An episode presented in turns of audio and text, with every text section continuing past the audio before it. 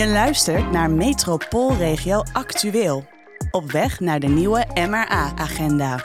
Welkom bij een nieuwe aflevering van Metropoolregio Actueel. In deze serie praten mijn gasten jou bij over allerlei thema's die spelen in onze regio vanuit verschillende perspectieven. En deze keer gaan we het hebben over bedrijventerreinen. Want bedrijventerreinen raken ons op vele maatschappelijke vlakken. Niet alleen heeft het invloed op werkgelegenheid, maar ook op ruimtelijke ordening, water, mobiliteit en niet te vergeten energie. Om ervoor te zorgen dat bedrijventerreinen ook in de toekomst een plek hebben in onze regio, kijk ik samen met mijn gasten naar de uitdagingen en vooral de oplossingen. Zo is er een bedrijventerreinenstrategie, maar buigt ook de Raad voor de Leefomgeving en Infrastructuur, oftewel de RLI, zich over dit onderwerp. Om over dit en meer te praten zitten bij mij aan tafel Esther Rommel, gedeputeerde ruimtelijke ordening economie in de provincie Noord-Holland en bestuurlijk trekker van dit thema in de MRA. Pieter Dijkmeester, directeur projecten SADC, oftewel de Schiphol Area Development Company. En online vanuit huis Kees Pen, lector van het lectoraat De Ondernemende Regio van Fontis. Welkom alle drie. Ik wil met jou graag beginnen, Esther. Er wordt toch vaak een beetje lacherig gedaan over bedrijventerreinen. Dat is toch een beetje van die plekjes aan de rand van de stad waar je eigenlijk niet doodgevonden wil worden. Ehm, ja, hoe kan je nou toch die lachers laten inzien dat de bedrijventerreinen echt van onschatbare waarde zijn voor onze samenleving? Nou de bedrijventerreinen die, uh, zijn heel erg belangrijk. Uh, juist ook uh, ja, voor de mensen die er werken, maar ook voor de omgeving. Je ziet de laatste tijd uh, ook wel steeds meer dat juist voor de leefbaarheid zo'n bedrijventerrein ook mee kan doen. We hebben al tekorten aan ruimte, we hebben al tekorten ook aan, uh, aan uh, nou ja, zeg maar recreatie. En als je nou zo'n bedrijventerrein mooi maakt, niet alleen voor de bedrijven zelf, maar ook dat je daar even tussen de middag kan genieten van een wandeling. Uh, we hebben allemaal gemerkt uh, in coronatijd ook hoe fijn het was om in een groene omgeving te zijn. En ik denk dat we daarmee uh, een bedrijventerrein belangrijk kunnen maken. En dat we met z'n allen goed kunnen gaan kijken hoe we nou, zo'n bedrijventerrein ook in het weekend kunnen gaan gebruiken om een wandeling te maken met je hond of te gaan fietsen of wat dan ook. Nou is er ook een nieuwe uh, bedrijventerreinenstrategie. Het laat eigenlijk al zien dat ja, bedrijventerreinen veel meer in de picture komen. Uh, met die strategie kan de MRA-samenwerking echt mee aan de slag. zou iets kunnen vertellen over wat nou de belangrijkste punten zijn in die strategie? Nou, in die strategie is het heel belangrijk dat wij onze transities, dus de klimaatopgave gaan halen. Dat we daarbij de verduurzaming uh, gaan doen. Energiecongestie is heel erg belangrijk. Maar met name is deze bedrijvenstrategie een bouwsteen voor de ruimtelijke voorstel wat we aan het maken zijn. En het ruimtelijke voorstel, dat is een hoe gaan wij onze ruimte in de provincie Noord-Holland benutten. En uh, dat doen we door nou, we hebben een Novex MRA, hè, dus uh, een Novex Schiphol en een Novex uh, Noordzeekanaalgebied, waarin we dus gaan kijken van waar willen we wat bewaren, omdat je bedrijventerreinen ook heel hard nodig hebt uh, voor de circulaire economie, om dat op gang te krijgen en om al die opgaven voor elkaar te krijgen. En juist door de gesprekken die we de laatste tijd aangegaan zijn in die Novex gebieden met alle bestuurders, maar ook nu met, uh, met de hele omgeving. Om te kijken waar moeten we die ruimte dan claimen en zullen we dat niet weggeven. Ja, en nog even voor de luisteraar die denkt, Novex? Ja, Novex, dat is een gebied uh, dat door het Rijk is aangegeven, wat heel erg belangrijk is voor onze economie en voor onze ruimte. En dat zijn dan nou ja, vier gebieden waar de provincie Noord-Holland ook voor aan de lat staat. En daar gaan we samen met het Rijk gaan we daaraan werken dat dat een, ook een goede omgeving wordt uh, voor onze economie, maar ook voor onze uh, leefomgeving. Ja. er moet veel gekeken worden, uh, Kees-Jan. Uh, uh, vanuit jouw betrokkenheid bij de RLI ben je natuurlijk heel erg betrokken bij het thema toekomstig bestendige bedrijventerreinen. Wat zie jij nou als belangrijke punten als het gaat om die toekomst te verzekeren? Nou, kijk, een, een hele belangrijke die ook de RLI heeft benadrukt, wat volgens mij de provincie ook mooi oppakt, stip op de horizon. Een, een duidelijk kader waar je heen wil. Ik denk dat dat een belangrijke basis is. En ja, het klinkt heel basic, maar vaak is de organisatiegraad, hè, dat zo'n gebied professioneel wordt ja, beheerd, dat er uh, iemand rondloopt die de boel in de gaten heeft, die met ondernemers praat, zogenaamde parkmanagers. Dat is in de meeste gebieden gewoon niet eens op orde. We waren best wel geschokt dat maar 20% van die bedrijventreinen professioneel georganiseerd is, zoals SADC. Um, Ja, en als je niet professioneel georganiseerd bent en overheden zoals provincies komen met prima plannen en ambities, dreigt dat je met de, ja, ik zeg maar, een soort dweilen met de kraan open. Want als, als die ondernemers niet georganiseerd zijn en er is geen vertrouwen, het is ieder voor zich, wordt het heel moeilijk om de grote uitdaging aan te pakken. dus dat, dat topic hebben we echt, op een gegeven moment dachten we, zo gaan we het gewoon echt niet redden. Dan moeten maar meer draconische maatregelen als een verplichte organisatiegraad. Want anders kom je er gewoon niet. Ik, ik begrijp niet, wat bedoel je precies met organisatiegraad en de organisatie op orde? Dat klinkt een beetje abstract allemaal. Nou ja, een, een ondernemersvereniging. Op een bedrijventerrein heb je 100 tot 200 bedrijven, of, nog meer, hoop je soms. Ehm, en die hebben periodiek bijeenkomsten, ledenvergaderingen. En dat gaat meer dan alleen maar zoveeljarig bestaan van een bedrijf vieren. Maar dat gaat ergens over. Zoals het probleem op het energienet. Maar ook iemand die op een gegeven moment ziet: hé, hey, dat bedrijf houdt energie over die heeft tekort. Laten we dingen gaan afstemmen. Of hey, ik zie tien bedrijven allemaal los van elkaar het dak gebruiken voor zonnepanelen. hey, misschien is het slim om eens samen op te trekken. Nou, zo kun je heel veel voorbeelden noemen. Ook restmaterialen, hè, die kant willen we ook op. Ja, als het een ieder voor zich houding is, dan kom je daar gewoon niet. Nou, dat, dat bedoel ik ook met die organisatiegraad. Er komt nu heel veel op ondernemers af, ook qua regelgeving, qua verduurzaming. Dat je op een gegeven moment als vereniging zegt: wij pakken dat op. Wij snappen MKB-bedrijf met 10, 15 man. Er komt heel veel op je af. Wij ontzorgen je. Dat kan ook een taak zijn. Naast feestjes vieren moet je natuurlijk ook doen. Maar helaas komt men vaak niet verder dan dat nu. Hoe belangrijk is het dat jullie het georganiseerd hebben, Pieter? Want ik hoor nu dat eigenlijk wel een beetje de sleutel tot de toekomst is.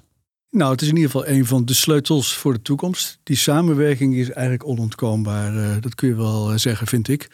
dus ik, dat, dat blijkt gewoon uit meerdere studies, ervaringen van andere terreinen. Hoe doe je dat? Die samenwerking is echt belangrijk. In die zin ook heel goed dat in die bedrijvenstrategie uh, dat ook als een van de kernpunten is, is opgenomen. Wij besteden er op onze terreinen veel aandacht aan. Hebben min of meer de verplichting voor bedrijven die zich bij ons vestigen om ook lid te worden van bedrijfsverenigingen. En we doen ook echt veel moeite om ze erbij eh, te houden. En het punt is natuurlijk dat soms heb je elkaar even niet nodig. En dan denk je misschien is het wel niet zo belangrijk. Hè? Maar op een gegeven moment komt toch het moment dat je het wel met elkaar moet doen. En als die organisatie dan niet op orde is, blijkt het in de praktijk vaak heel moeilijk om het alsnog voor elkaar uh, te krijgen. En je ziet ook dat in bestaande bedrijfsverenigingen, soms zijn ze er wel, maar dan is de opkomst bij dat soort bijeenkomsten is dan heel laag. En uh, ja, dan loop je tegen hetzelfde probleem aan uh, eigenlijk. Dus helemaal eens met dit pleidooi. Als we in de toekomst goede dingen willen bereiken, is die samenwerking is heel erg belangrijk. Eh, als we naar die strategie kijken, mis jij nog dingen waarvan je denkt, nou, dat, dat kan nog wel scherper? Nou, op te begin is het denk ik ontzettend goed nieuws dat er een strategie is. Hè? Want uh, Esther zei net ook al, bedrijventerreinen dreigt toch een beetje als een soort van zelfsprekend iets gezien te worden, terwijl daar echt aandacht uh, voor nodig is. Heel goed dat dat gedaan is. Uh, het is ook een van de een van de dingen die we met elkaar doen, die ook om ruimte vragen. En uh, ja, er is natuurlijk ook voor heel veel andere zaken ruimte nodig. Hè? Iedereen is ook veel met wonen bezig. Dus echt belangrijk dat dit ook wordt bekeken. En let ook op dat we misschien nog wel wat meer ruimte zelfs nodig zullen hebben in de toekomst. Bijvoorbeeld om, uh, om onze klimaatdoelstellingen te kunnen bereiken. Want daar is ook ruimte voor nodig. Maar ook bijvoorbeeld als we naar een meer circulaire economie willen. Daar heb je gewoon ruimte voor nodig. Dus in die zin ben ik echt blij met deze strategie en met de punten die erin staan. Ik zou die vraag voor ruimte, die zou ik echt willen meegeven aan jou ook, Esther. Van let erop en uh, zorg dat dat goed gebeurt in samenhang ook met andere dingen die ruimte vragen. En daarnaast, ja, we zijn het afgelopen jaar natuurlijk met energie echt enorm uh, tegen grenzen aangelopen. En bedrijven hebben altijd gedacht: energie is een van de dingen die vanzelfsprekend zijn, die kunnen we altijd regelen. Dat is nu even niet zo. Daar is ook overigens aandacht voor in deze strategie. Maar uh, dat zal echt heel belangrijk blijven. En daar zou ik aan willen toevoegen: het is niet alleen energie die je uit het net wil halen, maar ook energie die je met elkaar wil delen, omdat iedereen inmiddels gebruik maakt van zonnepanelen of andere hernieuwbare energie. En soms heb je wat over en die kun je beter regionaal delen dan op het net uh, terugzetten. Kees-Jan, nou ja, veel uh, gemeenten zijn natuurlijk ook eigenaar van die bedrijventerreinen. Hoe, hoe kunnen ze elkaar helpen? Want uh, ja, ik, ik geloof dat de uitdagingen nogal groot zijn. Heel veel gemeentes hebben torenhoge circulaire ambities en terecht.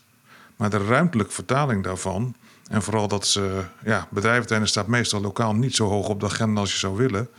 Dat zal toch moeten gebeuren. Dat die gebieden dus, nou ja, eigenlijk wat net al genoemd werd, hè, die havengebieden, natte kaders, daar zul je ruimte moeten gaan bieden aan circulaire activiteiten. En dus niet meteen denken, hé, hey, een mooie waterfront voor wonen. Maar dat is denk ik wel de roze olifant in de Kamer. Dit gaat schuren met terechte ook hoge aandacht voor de aanpak woningnood. En dan heb je een provincie, en ik denk uiteindelijk, ik hoop dat ze Den Haag uitkomen, echt stevige ruimtelijke ordening. Want dat geschuif tussen provincies en regio's zie ik hier ook. Brabant wil geen logistieke dozen meer, dan wil die andere het wel.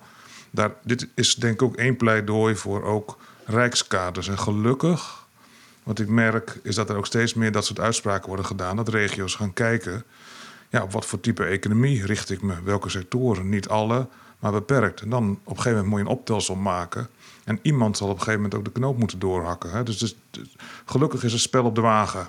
Ik hoop op een minister die we dan van minister van Ruimte en Leefomgeving noemen. En niet van het sector wonen alleen, maar begint met ruimtelijke ordening. En dat lost heel veel andere vraagstukken op. Hoe zie jij dat, uh, Esther? Want aan de ene kant heb je dus andere provincies die zeggen: Nou, we willen die bedrijven niet meer, dat is allemaal veel te vervuilend. Aan de andere kant heb je in je eigen provincie uh, een woningnood. Waarvan ze zeggen: Ja, nee, sorry, het terrein moet toch uh, naar woningen gaan. Ja, nou ja, dat is wat we in ons ruimtelijk voorstel. Die, die keuzes, de vraagstukken, die hebben we dus ook wel benoemd. Dan gaan we de komende tijd ook echt gewoon die puzzels leggen van hier wel en daar niet. Uh, ik kan wel zeggen dat op basis van het masterplan wonen die wij gemaakt hebben, kan je zien dat ongeveer toch wel 90% binnenstedelijk, als de zachte plannen hard worden, kunnen we de wonengedeelte wel oplossen. Maar we zullen ook aan de randen moeten kijken van. Uh, van de gemeente, van de kernen. Daar hebben we ook in ons coalitieprogramma wel het over opgenomen. Dat, dat speelt nu ook. Dus dat moeten we doen. Alleen nogmaals met die bedrijventerreinen die er al zijn. En dat is wel fijn dat dat nu ook wel omarmd wordt weer. Uh, ja, daar moet je echt heel goed naar kijken of je daar wel woningbouw toe kan staan. Zeker als je naar die milieucontouren kijkt of naar de geluidscontouren.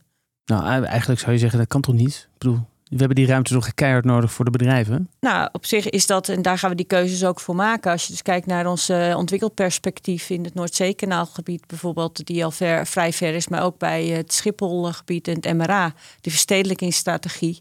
Uh, ja, daar zullen we dus gewoon uiteindelijk die, uh, de keuzes die nu voorleggen gewoon hard moeten maken en daar ook het lef voor moeten hebben. Duidelijk, we gaan het zo hebben over een praktijkvoorbeeld, namelijk de energiehub op het Schiphol Trade Park. Maar eerst is het tijd voor rondje van de regio.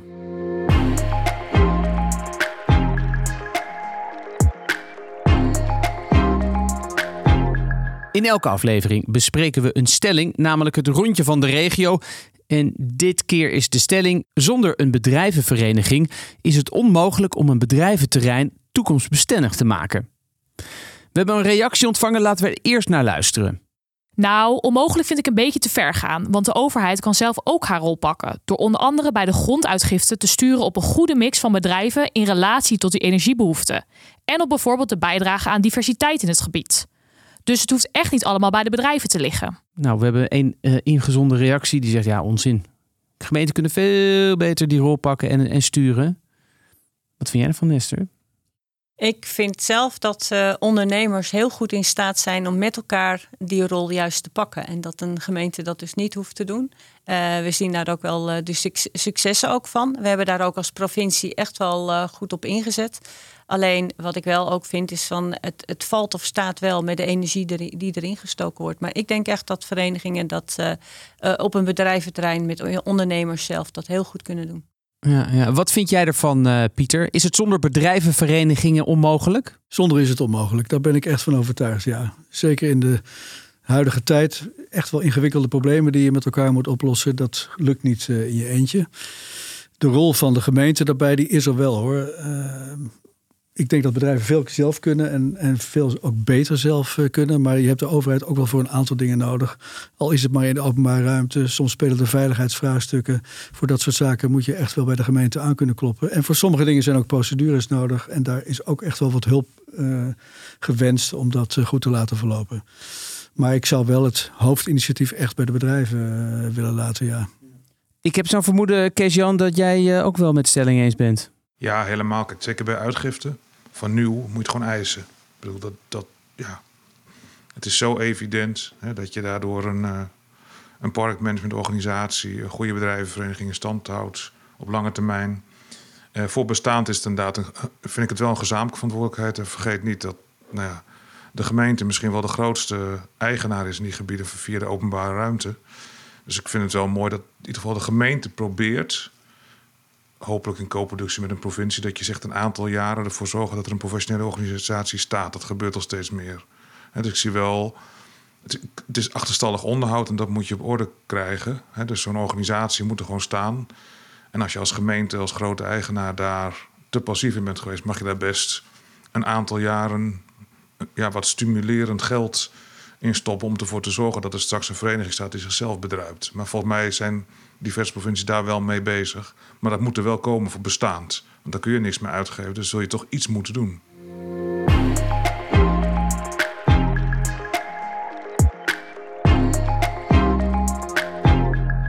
Het lijkt me een mooi bruggetje om naar een eh, goed georganiseerd bedrijventerrein uh, te gaan. Uh, een goede organisatie. Um, Pieter, laten we eens kijken naar energie. Naar de Energy Hub. jullie bundelen zoal de krachten om de elektriciteit die bedrijven nodig hebben op één plek samen te brengen. laten we eens naar het Schiphol Trade Park gaan. Hoe, kwamen jullie op het idee om daar zo'n hub neer te zetten? Ja, eigenlijk is het een beetje uit de nood geboren, eerlijk gezegd. Omdat uh, we, eigenlijk midden in de ontwikkeling van dat gebied zaten. De eerste bedrijven hadden zich gevestigd. De volgende bedrijven waren daar nog aan het bouwen. En toen kwam eigenlijk de mededeling: uh, de stroom is op. De dus stroom jullie is kunnen op. wel bouwen, maar je krijgt geen stroomcapaciteit. Uh, dat was het bericht van de netbeheerder. Eigenlijk gaat dat echt wel zo abrupt bijna. dus toen was goede raad duur. En het geluk was dat we al een goede samenwerking met die bedrijven hadden. We kenden de bedrijven. Maar we waren ook al met elkaar aan het kijken: kunnen we uh, ook op een slimme manier wat dingen uitwisselen tussen bedrijven? Kunnen we misschien van het net af? Kunnen we iets slims doen met, uh, met grids? Dus we konden eigenlijk vrij snel een idee ontwikkelen om de bedrijven die wel stroom geleverd hadden gekregen, om de capaciteit die zij niet gebruikten, om te kijken of we die die zouden kunnen inzetten voor andere bedrijven. Zo is het idee eigenlijk geboren. Ja. En uh, toen we daar verder naar gingen kijken, samen met adviseurs en met de bedrijven, en ook samenwerking konden organiseren, toen bleek inderdaad dat de bedrijven die stroomcapaciteit hadden, dat die dat lang niet allemaal zelf altijd nodig hadden, niet de hele dag nodig hadden. En dat het idee om dat dus, voor zover ze het niet gebruiken, te verdelen onder de andere bedrijven, dat dat levensvatbaar is. Sterker nog, we zitten nu in een situatie dat nog eens elf bedrijven van die restcapaciteit eigenlijk gebruik maken. Maar dat we met al die bedrijven dus vol kunnen draaien. En uh, zonder meer, meer stroomcapaciteit te vragen, toch uh, volledig aan de vraag kunnen voldoen. Als je het nu zo vertelt, dan klinkt het heel makkelijk. De ja. stroom was op en we gaan even met z'n allen even kijken waar we, bij wie we wat stroom kunnen tappen. En, uh, maar ik, zo makkelijk is het waarschijnlijk nee, niet. het was natuurlijk helemaal niet makkelijk. Nee. ten eerste, in het begin is het een hele schrik. Het tweede wat de bedrijven allemaal doen, die zeggen ja, wij gaan ons hier vestigen. Als wij geen stroom van de stroomleverancier kunnen krijgen, dan moeten we dat zelf oplossen. Dus wat gaan we dan doen? Dan gaan we extra zonnepanelen neerleggen. Op zich prima natuurlijk. We gaan batterijen neerzetten en we gaan gasgeneratoren neerzetten. En we gaan in onze eigen stroombehoeften voorzien. En dat wilden wij eigenlijk niet. Want wij wilden, uh, dat was onze ambitie, het meest duurzame bedrijventerrein van Europa of zelfs van de wereld daar neerzetten. Dus wij wilden geen gasgeneratoren of dat soort ingrepen. Dus we hadden wel een drive om dit uh, op te lossen. En nogmaals, omdat die samenwerking er al was en omdat we technisch al wel gekeken hadden, was het mogelijk om dit te doen. Maar het vraagt een hele organisatie. We moesten er een energiecoöperatie voor oprichten. We moesten alle bedrijven interesseren om daar aan mee te doen. Het moest allemaal in, in eh, overeenkomsten geregeld worden. Dus nou, het heeft wel iets meer dan een jaar gekost om dat allemaal op orde te krijgen. Ja. Vind, vind ik nog snel eigenlijk. Ja, eigenlijk zijn wij uh, ook best wel blij. En toen moesten we nog zien of het allemaal zou werken. We zijn nu anderhalf jaar uh, verder. En eigenlijk heeft het al die tijd vlekkeloos gewerkt. En het allerbelangrijkste, we hadden ook de medewerking van de netbeheerder uh, nodig. En uh, dat is gelukt. In de vorm van een pilot hebben zij gezegd: wij willen ook wel eens zien hoe zoiets gaat. En mede daardoor is dit kunnen gaan starten. Wat was eigenlijk de moeilijkste hobbel? Nou, de moeilijkste hobbel is, het zijn er eigenlijk twee. Je moet het technisch zo doen dat het voor iedereen duidelijk is dat dit feilloos gaat. Hè? Want iedereen denkt, we willen wel meedoen, maar alleen als we een soort zekerheid hebben dat dit echt werkt en altijd werkt. En een andere belangrijke hobbel is om de bedrijven die wel stroomcapaciteit hadden, om die eigenlijk uh, het idee te geven, uh, je, je, moet dat niet voor jezelf houden, maar je moet dat, voor zover je het niet zelf gebruikt, delen met anderen. En de eerste reactie is natuurlijk, waarom zouden we dat doen? Wij hebben het geregeld, laten anderen het lekker zelf doen. Maar gelukkig zeiden ze dat niet. Uh, zij zeiden nee, we zijn met elkaar. we zien dat we in de toekomst ook elkaar nodig zullen hebben. Dus wij willen graag meedoen aan deze pilot. Esther, als we nu eens kijken naar ehm, dit voorbeeld. Nou, eigenlijk fantastisch. welke lessen kunnen we eruit trekken? Of wat zouden nou bedrijven en gemeenten mee kunnen nemen? Nou, ik vind dit een heel mooi voorbeeld.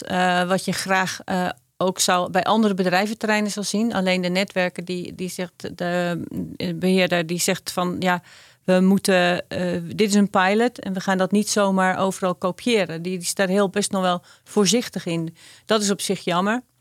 Het is ook een, een soort van tijdelijke oplossing. Maar wat ik er wel van leer, is dat je, dat je als je het samen slim oppakt en aanpakt, dat je wel ver kan komen. Uh, wat natuurlijk ook heel belangrijk is, en dat hoor je ook wel eens bij bedrijven, dat ze zich er bewust van worden en dat ze ook naar hun eigen productiestromen kijken. Van kunnen we dat ook niet uh, zeg maar handiger inrichten, zodat we ook meer energie op de juiste momenten uh, overhouden. Want het gaat over de pieken die, die overbelast zijn. En soms zijn er gewoon momenten waarop het veel, ja, veel minder verbruikt wordt. En er zijn bedrijven die er echt naar kijken. Wat ik ook hoorde, hè, wel uh, zo hier en daar, is dat, dat ook nog niet alle bedrijven op bijvoorbeeld LED-lampen overgegaan zijn. Dat zal ook schelen. Dus ook besparen van energie uh, is belangrijk. Maar ik vind het echt een fantastisch voorbeeld uh, van hoe je dus met elkaar gewoon tot een oplossing kan komen. En wat ik me zo kan voorstellen. Uh, als ik zelf zo'n bedrijf had en, en ik had veel, uh, op sommige momenten veel overcapaciteit, ja, dan zou mijn angst eerder zijn van als ik het nodig heb, krijg ik het dan wel weer terug. Nou, we hebben het in die contracten en in de afspraken met de bedrijven zo geregeld dat die vier bedrijven die al een vergunde capaciteit hadden, die houden dat. dus zij, voor zover ze het niet gebruiken, maken de anderen er gebruik van. Maar ze kunnen altijd weer terugvallen als ze dat zouden willen en nodig zouden hebben op die afspraken. Die garantie hebben ze.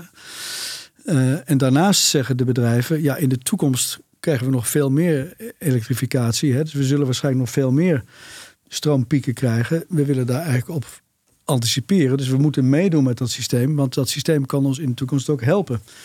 En zij verwachten dus eerder van dat systeem ook flexibiliteit dan dat uh, de netbeheerders ook tijdig weer opgeschaald uh, hebben. Is dit makkelijk op te schalen?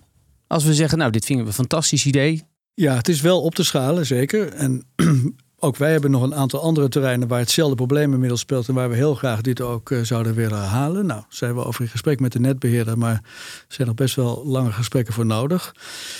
Ik moet er wel bij zeggen, uh, om een beetje voor ze op te komen. We hebben natuurlijk in Nederland een van de meest stabiele energienetten uh, ter wereld. Hè? En dat is ook ontzettend belangrijk. Dus dat willen we ook zo houden.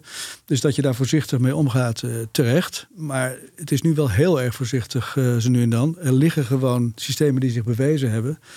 En het, het wordt wel tijd dat we daar met de energiebeheerder afspraken over maken. Dat we dat gewoon kunnen herhalen op andere plekken. Ja. En dan kun je uit die paar goede voorbeelden die er nu zijn, kun je gewoon de goede dingen halen en met elkaar uh, goede afspraken over maken. Het is helemaal niet onze ambitie om dat allemaal zelf te blijven doen. Prima als dat uh, voor een deel wordt overgenomen door de netbeheerders, uh, overigens. Ja. En, en, misschien wat jij ook net zei, dat ondernemers zelf ook nog veel meer kunnen doen aan besparing en isolatie, slimmere tijden.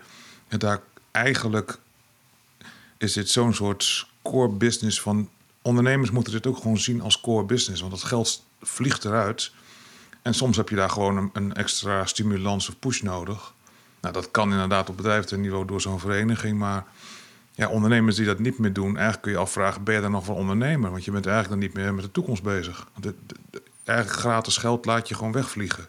Dus daar zou je eigenlijk ook iets minder vrijblijvend mee om kunnen gaan. Dus ik hoop ook dat dat soort dingen, maar dat is weer een pleidooi voor organiseer je nou eens. De netbeheerders hebben natuurlijk de afgelopen jaren magertjes geïnvesteerd in het netwerk. Eh, dat gaat natuurlijk wel veranderen. Maar is, wat, wat is nou eigenlijk het grootste probleem om, om dit niet, wat jij allemaal aan het doen bent, Pieter, gewoon echt groot op te schalen? Is dat inderdaad, zijn dat de netbeheerders? Is dat wet en regelgeving? Want je leest steeds vaker, de stroom is op. Ja, nou, de netbeheerders zullen dat zelf niet zeggen dat ze mager geïnvesteerd hebben. Nee, dat zeg ik voor ze. Maar het is wel zo. Dus eh, we hebben gewoon niet de tempo bij kunnen houden wat we nodig hebben. Dat heeft natuurlijk nog een enorme impuls gekregen doordat er heel veel aan uh, energietransitie nu gedaan wordt. Uh, en dat hebben ze niet bij kunnen houden. Dat wordt nu wel ingehaald, maar dat gaat tijd kosten. Hè? Dus het is gewoon zo dat we achterlopen. Dit soort systemen kunnen helpen om in die transitieperiode een deel van die pijn weg te nemen. Het is daarmee voor een deel een tussenmaatregel totdat uh, energiesysteem zwaar versterkt is. Tegelijkertijd zeg ik dat systeem blijft nodig en interessant, omdat het ook een manier blijft om gebiedsgericht uh, iets met je uh, energiesysteem te kunnen optimaliseren in termen van opwek en gebruik. dus je kunt de dingen die je op je eigen daken aan zon opwekt of in je eigen windmolens, kun je op een hele makkelijke manier verdelen. En het is helemaal niet nodig om het allemaal via het hele net te gaan sturen. Dus ik ben erg voorstander om daar naar te kijken. Natuurlijk moet je dat energienet blijven versterken, gaat nu ook gebeuren. Maar die lokale oplossingen die zijn gewoon een zinvolle aanvulling uh, daarbij. Ja. Maar het, we kunnen zeker niet eh, zonder het een en ook niet zonder het nee. ander. Nee, want je binnen, het versterken is niet binnen een jaar geregeld. Ik bedoel, dan zijn we wel vijf tot tien jaar verder. En de vraag blijft enorm eh, stijgen. Hè? Alleen dus, uh, ja. Nou, en daarbij is het dus ook nodig, met dat je zegt die vraag die blijft stijgen, is ook dat bij dat, even naar dat ruimtelijke voorstel, dat je goed weet waar je wat gaat organiseren en wat wilt hebben. En dat je dus nu niet investeert uh, in wat we nu nodig hebben, maar wat we ook straks nodig hebben, zodat we als over tien jaar staan, dat we niet vandaag hebben opgelost, maar ook wat er over tien jaar ligt. Wat, uh, we hebben nu een hele mooie strategie liggen. We hebben een wensenlijstje liggen. Wat zou jij eigenlijk de luisteraar willen meegeven? Want ja, er moet actie ondernomen worden. Dus waar, waar te beginnen? Nou, kijk, ik, ik, ik denk wat, wat, wat zou helpen. Ja, een aantal dingen toch. Het, het, het komt gelukkig hoger op de agenda. Alleen het zou niet vanuit nood, zoals de energienet moeten komen, maar meer vanuit het sociaal-economisch belang is groot. Hè, bijvoorbeeld, een nieuw plan in Utrecht gezien, waarbij ze natuurlijk zeggen: ja, praktijkgericht werk, MBO's, praktijkmensen, ambachtelijk werk, vakmanschap.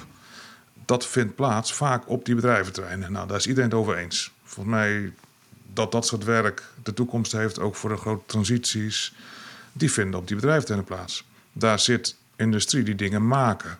Nou, we snappen ook dat bedrijven wat minder afhankelijk zijn van allerlei grondstoffenstromen wereldwijd. Snap je ook, hè? Dus de afhankelijkheid van de industrie zul je lokale ruimte moeten hebben. Dus het belang van die gebieden is gewoon groot.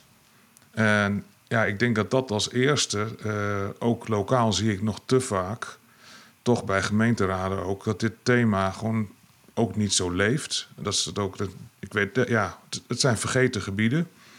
Dus daar zul je lokaal zul je dat op de agenda moeten hebben. En dat betekent dus ook, uh, er zal toch wat ik noem maar ambtelijke inzetten en ook euro's bij moeten. Als je die bestaande terreinen beter wil benutten, zul je er ook een beetje in moeten investeren. Wat zou jij willen zeggen tegen eh, het raadslid in Purmerend of in Almere of uh, Velsen, die denkt: ja, hartstikke leuk.